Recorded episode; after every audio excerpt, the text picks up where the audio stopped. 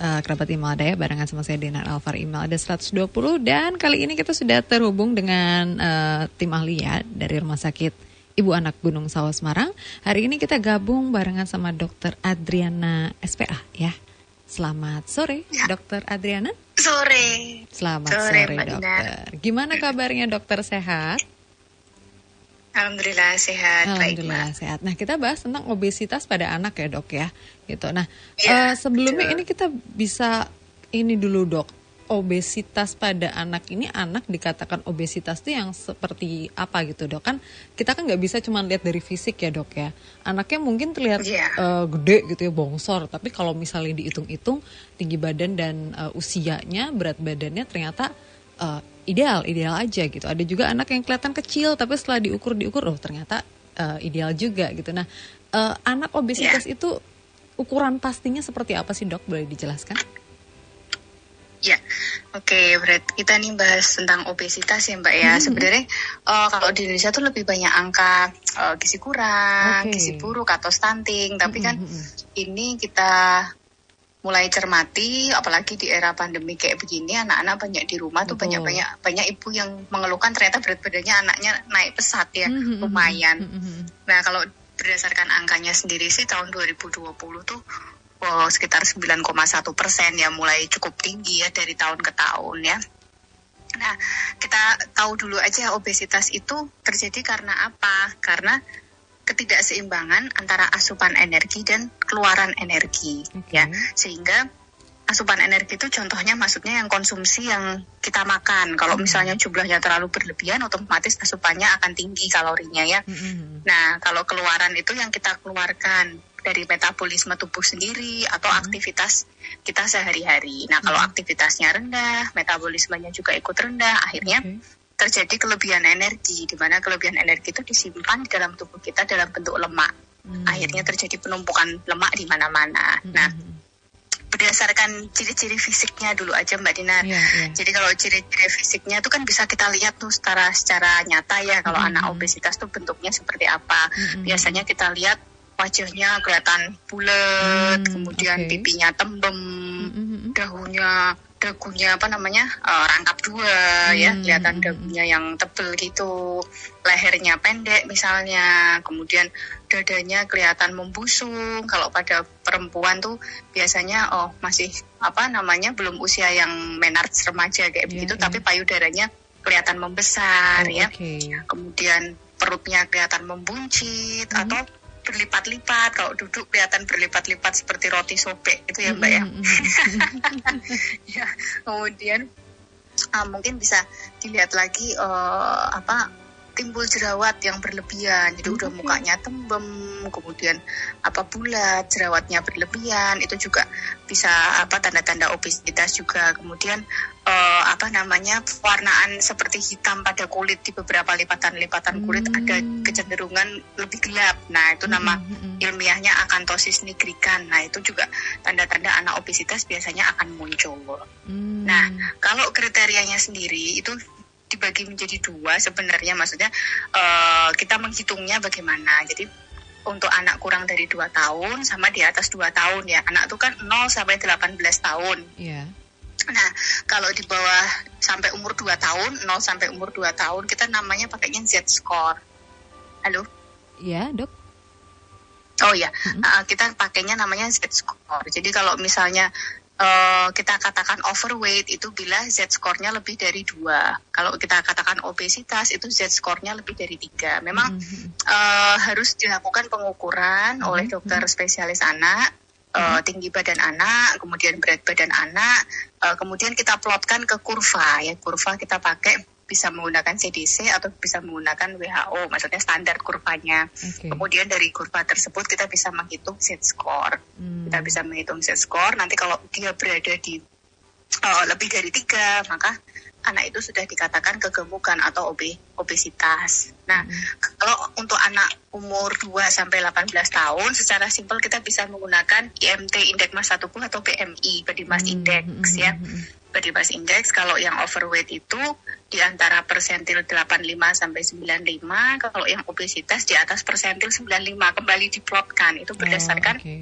uh, jenis kelamin juga beda, usia dan jenis kelamin beda. Nah, uh, apabila sudah mendapatkan data itu, ternyata anak, misalnya anak umur lima tahun, ketika kita plotkan kok di atas persentil 95, ya berarti anak ini tergolong ke obesitas atau kegemukan. Gitu. Selain pasti otomatis akan tampak secara ciri-ciri fisik juga. Uh, apa namanya yang saya sebutkan tadi ya. Oke. Okay. Nah, gitu, Dokter Adriana, kita bisa nggak sih dok, kayak mungkin ada rumus gitu yang bisa orang tua hitung sendiri, mungkin berdasarkan usia anak per uh, berat badannya atau apa gitu, yang bisa tahu, oh anak saya berarti usia segini, berat badan segini, tinggi segini, oh berarti ideal atau uh, obesitas atau gimana? Ada rumusnya nggak sih dok? Ya. Atau memang harus? Maaf, uh, tadi ada telepon masuk oh, ya. Oh, iya. Udah tak, udah tak.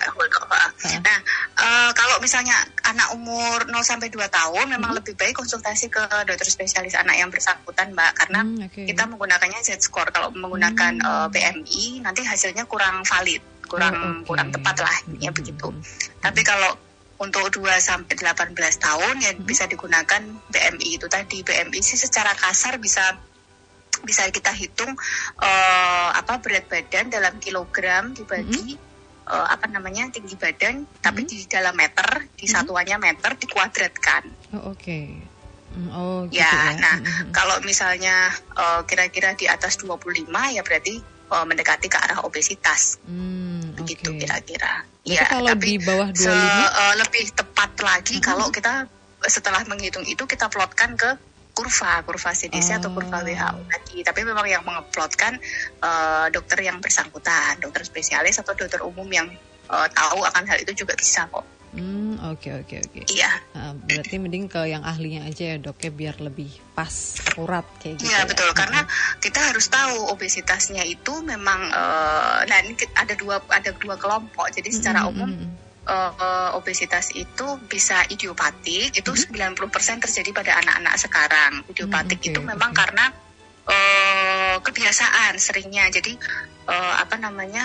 Karena asupan yang berlebihan kan zaman sekarang kan uh, lebih banyak uh, sedentary, ya menonton mm -hmm. TV, mm -hmm. main game mm -hmm. misalnya seperti itu. Tapi dia cemilannya kelas berat misalnya hmm. uh, apa namanya fast food kemudian yang goreng-goreng seperti yeah. kentang goreng hmm. keripik dan sebagainya itu burger dan sebagainya itu kan ya mbak hmm. yang kira-kira kalorinya tinggi sementara aktivitasnya kurang kalau anak kalau anak zaman dulu kan lebih banyak bermain misalnya betul. lompat tali betul, betul, uh, apa tuh uh, sepak bola kejar-kejaran sama temennya sepedaan dan sebagainya kalau sekarang lebih banyak sedentary jadinya asupannya jadi berlebihan. Nah, itu hmm. terjadi 90% kasus. Kemudian uh, ciri-cirinya anaknya perawakannya tinggi. Jadi memang kelihatan lebih besar dari umurnya. Hmm. Jadi kayaknya umurnya masih tujuh tahun tapi kok penampakannya udah kayak umur 9 tahun anaknya hmm. perawakannya tinggi, gede. Hmm. Jadi bongsor istilahnya hmm. seperti itu. Nah, kemudian uh, apa usia tulangnya kalau kita cek normal yeah. uh, pemeriksaan fisik lain cenderung juga normal maksudnya tidak ada kelainan-kelainan uh, apa fisik atau wajah dismorfik itu yang menunjukkan mm -hmm. ke arah kelainan genetik tertentu karena ada beberapa kelainan genetik atau kita sebut dengan sindrom yeah. yang uh, nantinya uh, efeknya itu ke kegemukan itu ada Nah, oh, okay. kalau yang idiopatik tadi sih secara umum anaknya normal, cuma bungsor gede gitu. Mm-hmm. Kadang-kadang ada riwayat keluarga juga, jadi oh ternyata papa sama mamanya gede-gede juga gitu ya. Jadi ada genetiknya juga ada. Nah, kalau yang endogen atau yang sekunder itu yang sisanya 10% kasus itu uh, seringnya kalau kita cek itu ada ciri-ciri yang uh, tidak lazim. Misalnya hmm. tadi yang saya bilang ada kelainan genetik tertentu, misalnya uh, ada sindrom Prader-Willi, kemudian ada uh, mungkin sindrom Down, ada sindrom Turner, misalnya seperti itu kelainan genetik yang memang harus dikonsultasikan lebih lanjut. Kemudian hmm. uh, perawakannya seringnya pendek, jadi oh, okay. uh, gemuknya itu aneh. Kalau hmm. pasti kelihatan kok, maksudnya kalau normal aja tuh maksud tanda kutip memang karena uh, sekul apa namanya uh, idiopatik tadi ya, hmm. ya karena asupan yang berlebihan kalori berlebihan sementara aktivitasnya kurang tuh anaknya kelihatan bongsor gede hmm, okay. kelihatan uh, apa namanya uh, tinggi besar gitu ya. Uh, tapi kalau kok anaknya kok kayaknya pendek tapi kok gemuk banget seperti hmm. tidak proporsional gitu loh mbak. hmm, nah hmm, itu kita harus hati-hati. Kita harus uh, memikirkan apakah ada kelainan-kelainan uh, tertentu. Makanya lebih baik kalau uh, ada anak yang kira-kira uh, obesitas obesitas memang lebih baik dikonsultasikan. Karena tadi yang pertama untuk tahu kira-kira sebabnya apa mm-hmm. apakah cuma idiopatik atau endogen ada penyebab-penyebab lainnya yang kedua mm-hmm. uh, mesti kita lihat kalau misalnya obesitasnya sudah yang oh, BMI-nya sangat tinggi misalnya mm-hmm. seperti itu nah mm-hmm. itu pasti kita cek uh, sekunder maksud sekunder itu uh, apa ya kejadian ikutannya. Misalnya kita cek profil lemaknya. Hmm. Uh, banyak sekarang anak-anak yang profil lemaknya sudah uh, cenderung tidak bagus seperti hmm. orang tua. Jadi LDL-nya tinggi, hmm, okay. kolesterolnya juga tinggi. Hmm. Nah, kadang kita cek tensi, kadang-kadang tensinya jadi ikut terpengaruh, tensinya jadi ikut tinggi. Kemudian hmm. kita cek gula darahnya juga. Oh, ternyata jadi seperti ke arah uh, kencing manis, diabetes hmm, mellitus. Okay, okay. Nah, itu sering-sering uh, mulai makanya harus harus kita uh, kita cek dulu gitu. Mm-hmm. Okay. Kita cek lengkap lah semuanya. Oke. Okay. Nah, dokter gitu. faktor-faktor pemicu anak diabetes eh diabetes lagi obesitas itu apa aja sih dok biasanya? Seringnya ya itu tadi Mbak karena mm-hmm. 90% kan idiopatik ya tadi intinya asupannya jauh lebih mm-hmm. besar daripada keluarannya. Oh, oke. Okay ya kurang intinya gitu tuh ya, di situ. Ya? Kecuali kalau memang ada penyakit-penyakit lain ya, misalnya mm -hmm. tadi yang ada sindrom tadi atau kelainan genetik tertentu atau mm -hmm. ada kelainan hormon, ada kelainan hormon tertentu. Nah itu kan memang uh, tapi jumlahnya kan sangat sedikit nah, mm -hmm. dan uh, harus dilakukan pemeriksaan lebih lanjut. Tapi uh, yang banyak terjadi 90% kasus ya tadi itu asupannya berlebihan mm -hmm. karena misalnya dia sudah makan makan besar atau uh, main meal makanan utama sudah tiga mm -hmm. kali di antara makan itu dia masih makan yang kalorinya gede jadi masih hmm. tadi misalnya sudah makan pagi sudah makan nasi siang hmm. makan nasi malam hmm. makan nasi di antara itu dia makan kentang goreng tadi saya bilang burger hmm. atau roti apa gitu roti tart yang uh, porsinya besar misalnya belum hmm. minuman yang manis-manis nah otomatis terjadi akumulasi kalori sementara anaknya aktivitasnya cuma main game di rumah misalnya uh, apa namanya nonton TV nah, hmm. otomatis kan yang tadi karena keluarannya minimal akhirnya ditumpuk jadi lemak penumpukan lemaknya jadi di mana-mana. Hmm, Oke okay. berarti ya berbahaya ya. juga ya dok ya. Nah ngomongin tentang bahaya anak obesitas nih dok uh, anak obesitas bisa kena komplikasi nggak sih dok? Kalau orang dewasa kan jelas ya gitu obesitas yeah. naiknya uh, larinya bisa ke diabetes, larinya bisa ke darah yeah. tinggi, terus ke mana-mana gitu kan ya. Nah kalau anak-anak apakah yeah. juga resikonya sama bisa komplikasinya ke mana-mana juga dok? Sama, sama, sama okay. mbak, sama. Apalagi uh -huh. kalau obesitasnya uh, terjadi terus-menerus, makanya ini harus dirubah. Jadi orang tua itu kadang-kadang uh, yang masih sering ya ibu-ibu itu hmm. pengen anaknya gemuk. Iya. Nah, pengen anaknya tuh hmm. anak saya tuh nggak bisa gemuk padahal sudah sudah dikasih tuh bu ini berat badan adik ideal. Yang penting hmm. tuh ideal sesuai sama tinggi badannya. Hmm. Jadi tidak perlu gemuk.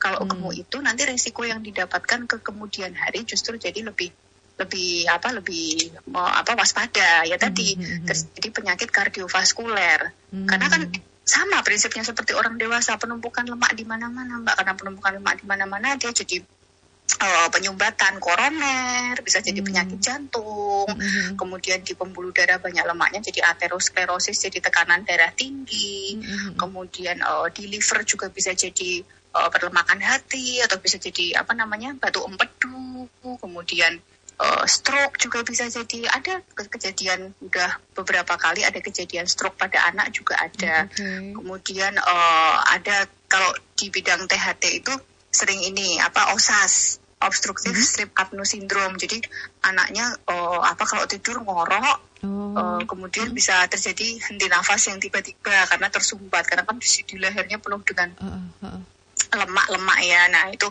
bisa terjadi seperti itu. Jadi komplikasinya hampir sama seperti uh, ke orang dewasa itu ya tadi uh, diabetes mellitus juga bisa karena hmm. terlalu tinggi kadar gula dalam darah sehingga uh, apa uh, kelenjar yang uh, pankreas kita tuh jadi hmm. intoleransi malah tidak bisa mengkompensasi jadinya diabetes mellitus yang tipe 2 bukan karena genetik kalau tipe satu hmm. kan memang karena kelainan bawaan tapi yeah, ini karena uh, akibat lifestyle ya akibat hmm. lifestyle bisa jadi diabetes mellitus muncul dini bisa jadi mbak. Hmm, berarti bahaya ya. Nah, nah uh, makanya uh -uh. iya makanya orang tua tuh nggak usah berambisi anaknya. Nah, anak saya harus gemuk karena image-nya memang kalau gemuk tuh kelihatan lucu, kalau masih kecil ya. mungkin lucu Gemes. begitu. Tapi mm -hmm. salah itu paradigma mm. yang salah. Yang penting mm -hmm. anak itu berat badannya ideal, kemudian perkembangannya juga normal. Itu sudah sangat cukup gitu loh. Mm -hmm. okay, okay. Nggak perlu sampai gemuk malah tidak bagus. Mm -hmm. Nah, dok kalau ya. misalnya anak uh, gemuk nih ya cenderung ke obesitas gitu. Mm -hmm. Ada beberapa orang yang menganggap ah nanti dia kalau misalnya udah gede nanti khususnya kalau maaf kalau laki-laki udah sunat gitu ya, paling dia nanti ini sendiri kok ideal sendiri badannya gitu itu betul gak sih dok tanggapan-tanggapan seperti itu gitu loh ya ya nggak nggak nggak betul-betul amat ya mbak nggak betul nggak mm -hmm. betul-betul amat nggak salah gimana ya ya kurang gak tepat gitu aja gitu ya. ya jadi kalau misalnya dia tidak tetap tidak terkontrol, cara uh, pola makannya salah, kemudian uh, aktivitasnya fisik juga masih biasa-biasa aja ya, tetap aja makin lama makin gemuk. Hmm. Tapi kalau kemudian hmm. dia mungkin mungkin anaknya makin besar eh, sadar diri karena yang penting kan anak itu juga sadar. Nah, nanti hmm. ada ada tentang tata laksana obesitas kan ada anak. Yeah, yeah. Misalnya anaknya sudah mulai malu. Hmm. Kalau hmm. misalnya udah sunat gitu kan anaknya udah mulai dewasa ya, dia yeah, kan pasti yeah. sudah berkaca aduh aku nanti diejek teman-temanku aku gemuk nggak bisa main-main temanku malu misalnya. Malu temenan sama aku karena aku gedut jadi ya, sudah mulai mikir begitu. Mungkin dia sudah mulai meningkatkan aktivitas fisik membatasi makanan manis-manis sendiri. Dia mulai uh, ngerti kalau oh ini tuh apa namanya aku sudah kenyang sudah cukup makannya gitu. Kadang-kadang terus jadi ya itu karena terus dia makin tinggi kemudian karena asupan yang kalorinya semakin tidak berlebihan akhirnya jadi ideal kan iya iya dibarengin dengan aktivitas fisik tapi bukan karena sunatnya terus oh nanti terus hilang oh. jadi berat badan ideal bukan bukan mungkin ya. karena ada uh, apa efek psikologis yang anak mulai matang gitu ya hmm. mulai malu hmm, oke okay.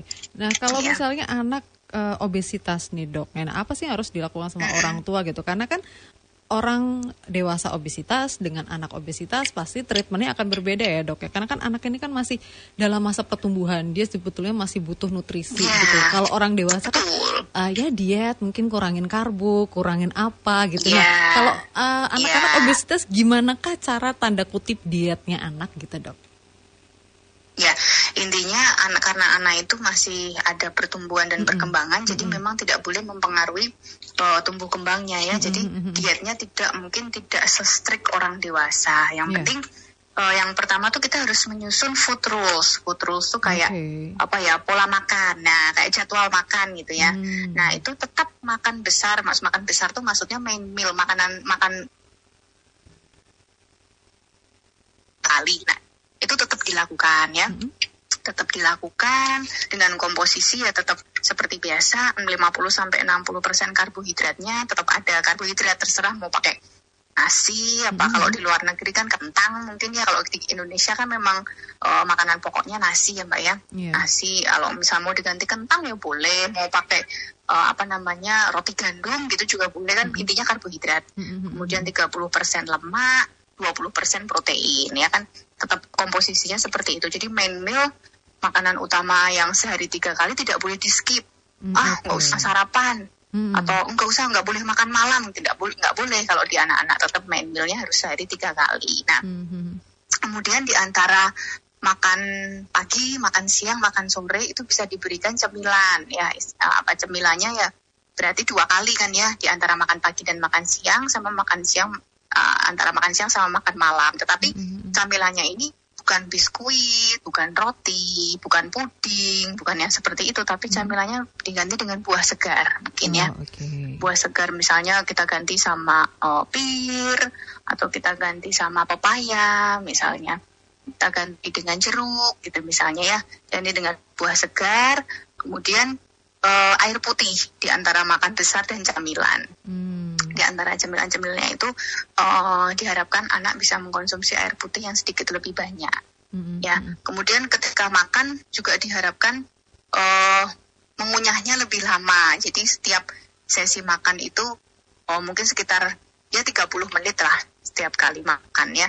Jadi mm-hmm. mengunyahnya lebih lama dengan harapan kalau kita mengunyah lebih lama itu kan uh, lebih terasa lebih apa cepat kenyang ya. Yeah, daripada yeah. kita makan terburu-buru kan mm-hmm. gitu terus lima menit gitu udah selesai hmm. ada yang nggak dikunyah dengan baik tuh cenderung menghabiskan porsi yang besar dibanding kita uh, benar-benar mengunyah 32 kali hmm. sehingga uh, persesi makan bisa sampai 30 menit 30 menit jadi lebih merasa kenyang hmm. gitu ya mbak ya hmm. hmm, hmm. nah itu tadi kan food food rules tadi yeah. ya hmm. kemudian uh, pola aktivitas fisik nah jadi selain tadi uh, kita mengatur jadwal makan tadi, anaknya juga harus aktivitas fisik. Aktivitas mm -hmm. fisik uh, apa namanya boleh bertahap. Maksudnya mau jalan kaki dulu aja nggak apa-apa jalan kaki yang penting konsisten yang penting okay. rutin um, satu minggu tuh tiga kali kurang lebih durasinya sekitar 40 sampai 45 menit mm-hmm. boleh mau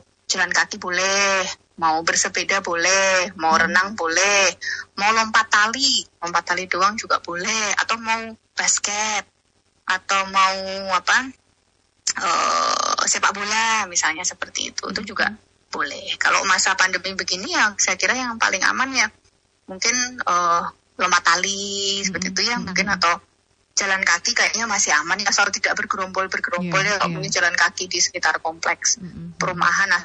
Oke. Okay. Berarti aktivitas ngobrol satu sama lain juga cenderung aman ya. Oke, okay. aktivitas fisik tetap harus uh, dijalankan ya dok ya aktivitas fisiknya. Ya, sama hmm. yang ketiga itu modifikasi perilaku. Jadi tadi hmm, okay. food rules, kemudian aktivitas fisik, hmm. sama modifikasi perilaku. Modifikasi hmm, okay. perilaku tuh intinya anaknya ya uh, harus kita kasih tahu bahwa uh, apa harus anaknya harus mempunyai kesadaran juga bahwa dia harus uh, memiliki berat badan yang ideal. Intinya hmm. begitu ya. Hmm. Uh, jadi anak tidak merasa berat gitu ya.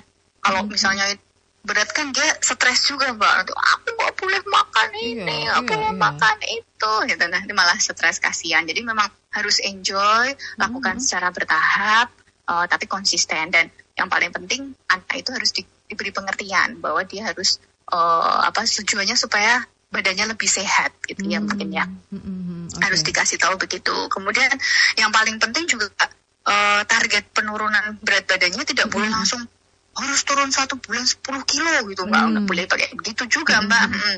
jadi target penurunan berat badannya ya 0,5 kilogram per minggu kurang lebih seperti itu nah oh, okay. nanti kita stop itu setelah eh, uh, 20% di atas BB ideal nah makanya itu pentingnya konsultasi ke uh, dokter apa namanya dokter spesialis anak karena kita akan menghitung berat badan ideal berdasarkan tinggi badan anak sesuai hmm. sama umur dan jenis Halo. bisa ketemu oh misalnya berat badannya idealnya 10 kilo misalnya ya mm-hmm. berat badan idealnya 10 kilo berarti nanti 20% di atas 10 kilo itu kita stop dulu setelah itu kita maintenance dulu ya mm-hmm. jadi nggak boleh yang benar karena anak masih tadi kita butuh tumbuh butuh pertumbuhan sama perkembangan sel-selnya jadi nggak nggak boleh benar-benar se ekstrim seperti kita ya yang hmm. sudah orang dewasa. Betul betul betul. Gitu, nah, Mbak. kalau soal porsi makan bagaimana dok? Ini kan makan tetap harus tiga kali sehari ya dok, ya? nggak boleh ada yang di skip gitu, nggak nggak yeah. boleh skip sarapan, nggak boleh skip yeah. makan malam, tetap harus tiga kali per hari gitu. Nah, kalau porsinya uh, boleh dikurangin kah atau tetap dengan porsi yang sama gitu karena mungkin anak yang obesitas cenderung porsinya mahal makan tetap lebih banyak. porsi yang ya mm-hmm. tetap porsi sama itu kan uh, tidak nambah ya mbak maksudnya oh, dalam okay. arti satu piring itu hmm. ya satu piring yang dia biasa makan itu isinya ada nasi atau karbohidrat lah karbohidrat hmm. kemudian uh, apa namanya ada proteinnya, kemudian ada lemak, protein plus lemak itu kan di dalam lauk pauk ya, kemudian ada hmm. sayurnya. Yang penting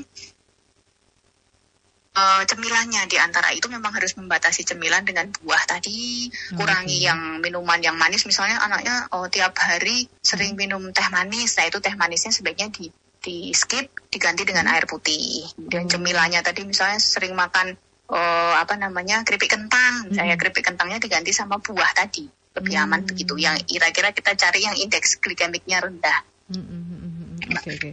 Berarti harus bijak juga pilih cemilan ya dok ya. Jangan yang terlalu mengandung banyak kalori gitu ya buat cemilannya. Ya, misalnya udah makan pagi nasi, nah nanti makan siangnya kan antara itu dia makan kue tart, kue tart hmm. yang oh, banyak krimnya kayak begitu kan ya kalorinya besar jadi kan yeah, yeah. lebih dari apa asupan kalori dia dalam satu hari. Oke. Okay. Nah kalau penggantian karbo ini gimana dok? Biasanya uh, ini pengaruh nggak sih dok ke berat badan gitu? Misalnya kan ada beberapa orang yang uh, berpikir oh ganti aja sama beras merah gitu. Beras merah bagus nih buat kesehatan plus nurunin berat badan gitu. Itu ngaruh nggak sih dok sebetulnya penggantian karbo itu? Uh, kalau di anak-anak sepertinya saya kira nggak perlu sampai yang uh, mengganti seperti itu karena kan mm -hmm. Kalau mungkin kalau memang orang untuk yang orang dewasa ya kalau yeah. untuk orang dewasa memang uh, ada ada berefek dan kita kan bisa adaptasi dengan mudah.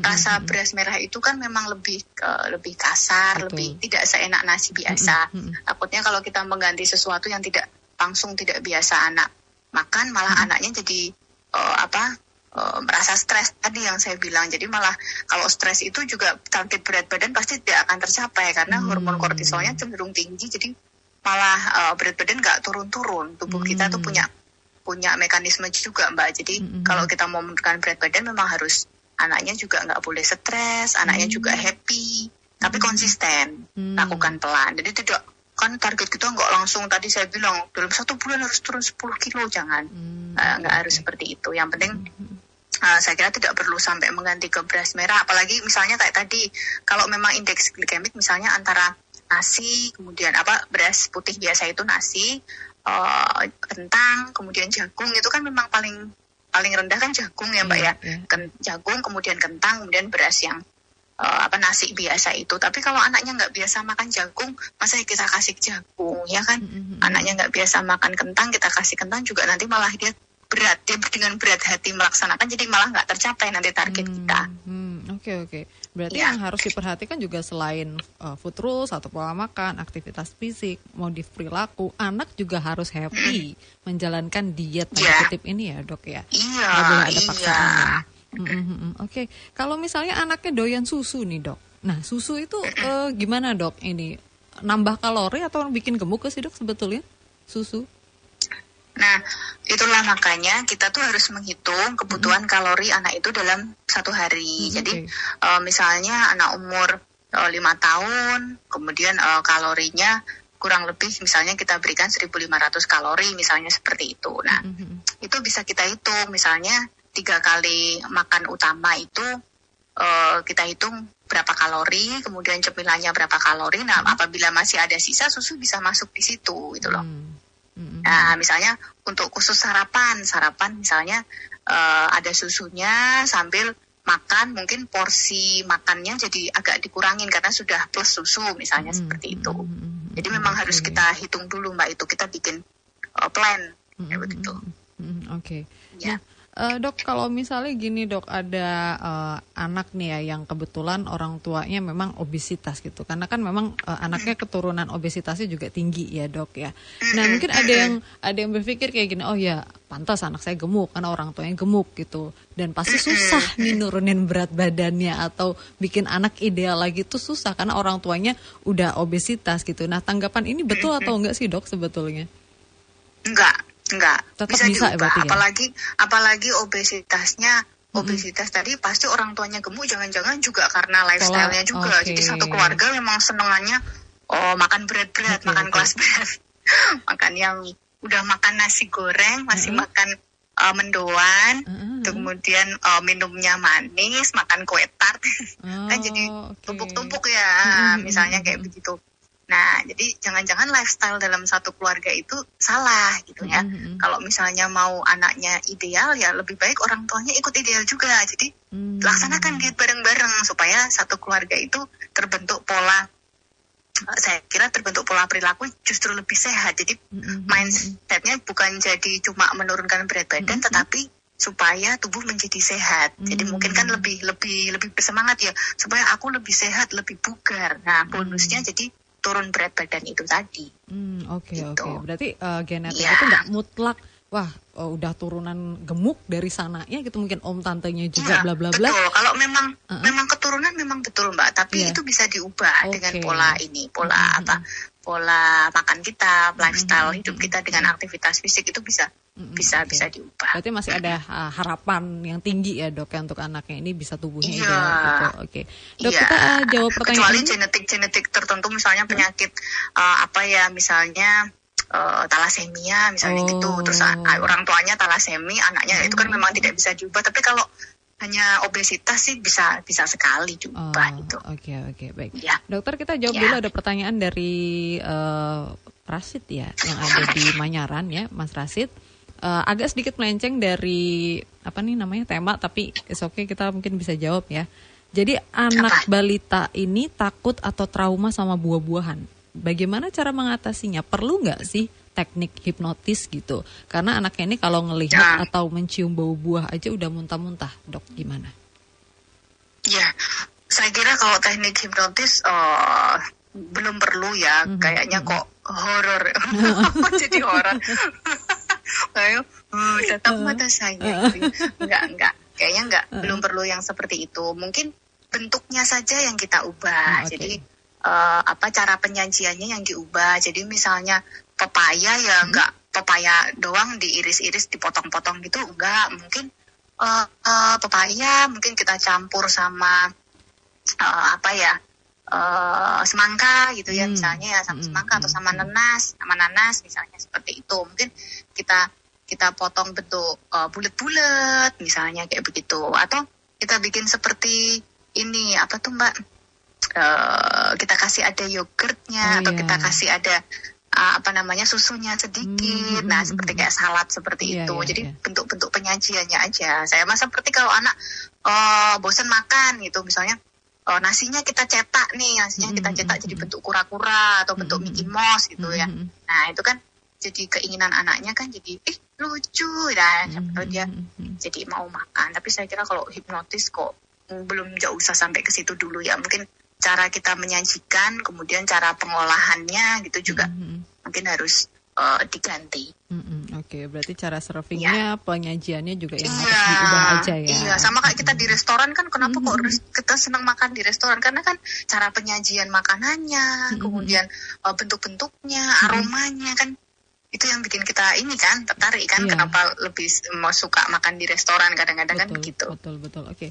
dokter Adriana ya. mungkin boleh dikasih uh, closing statement atau juga mungkin tips ya buat kerabat Imelda yang anaknya udah mulai ini kayaknya tanda-tanda obesitas gitu untuk bisa membuat anaknya ideal lagi silakan dokter Adriana jadi uh, angka obesitas sekarang semakin hari semakin tinggi, kurang lebih 9,1 persennya di tahun 2020. Mm-hmm. Nah, obesitas itu terjadi paling utama 90 persen karena ketidakseimbangan antara asupan energi dan keluaran energi. Asupan energinya berlebihan, yeah. sementara aktivitas fisiknya justru yang rendah. Mm-hmm. Uh, tadi cara menentukan obesitas kalau kurang dari dua tahun memang dengan menggunakan kurva bisa mm-hmm. dikonsultasikan apabila umur 2 sampai 18 tahun secara kasar bisa menggunakan BMI atau IMT. Mm -hmm. Caranya yaitu berat badan dalam kilogram dibagi tinggi badan dalam meter dikuadratkan. Nanti mm -hmm. ketemu. Nah, apabila di atas 25 bisa kita kategorikan ke arah obesitas. Nah, itu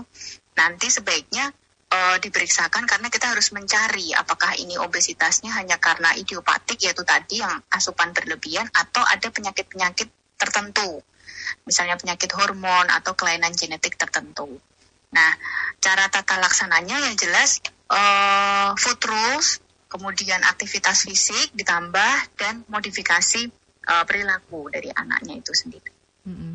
Okay. Kemudian komplikasi yang berbahaya dari obesitas yaitu penyakit-penyakit kardiovaskuler yang tadi ada penyakit jantung, mm-hmm. uh, pembuluh darah, stroke, kemudian bisa batu empedu, bisa juga kencing manis. Mm. Baik. Ya. Uh, Dokter Adriana, terima kasih sudah berbagi di sore hari ini. Semoga bisa ketemu ya. lagi dengan topik bahasan lain ya, dok. Terima kasih, dokter. Selamat sore. Ya. Sore, Mbak Dinar.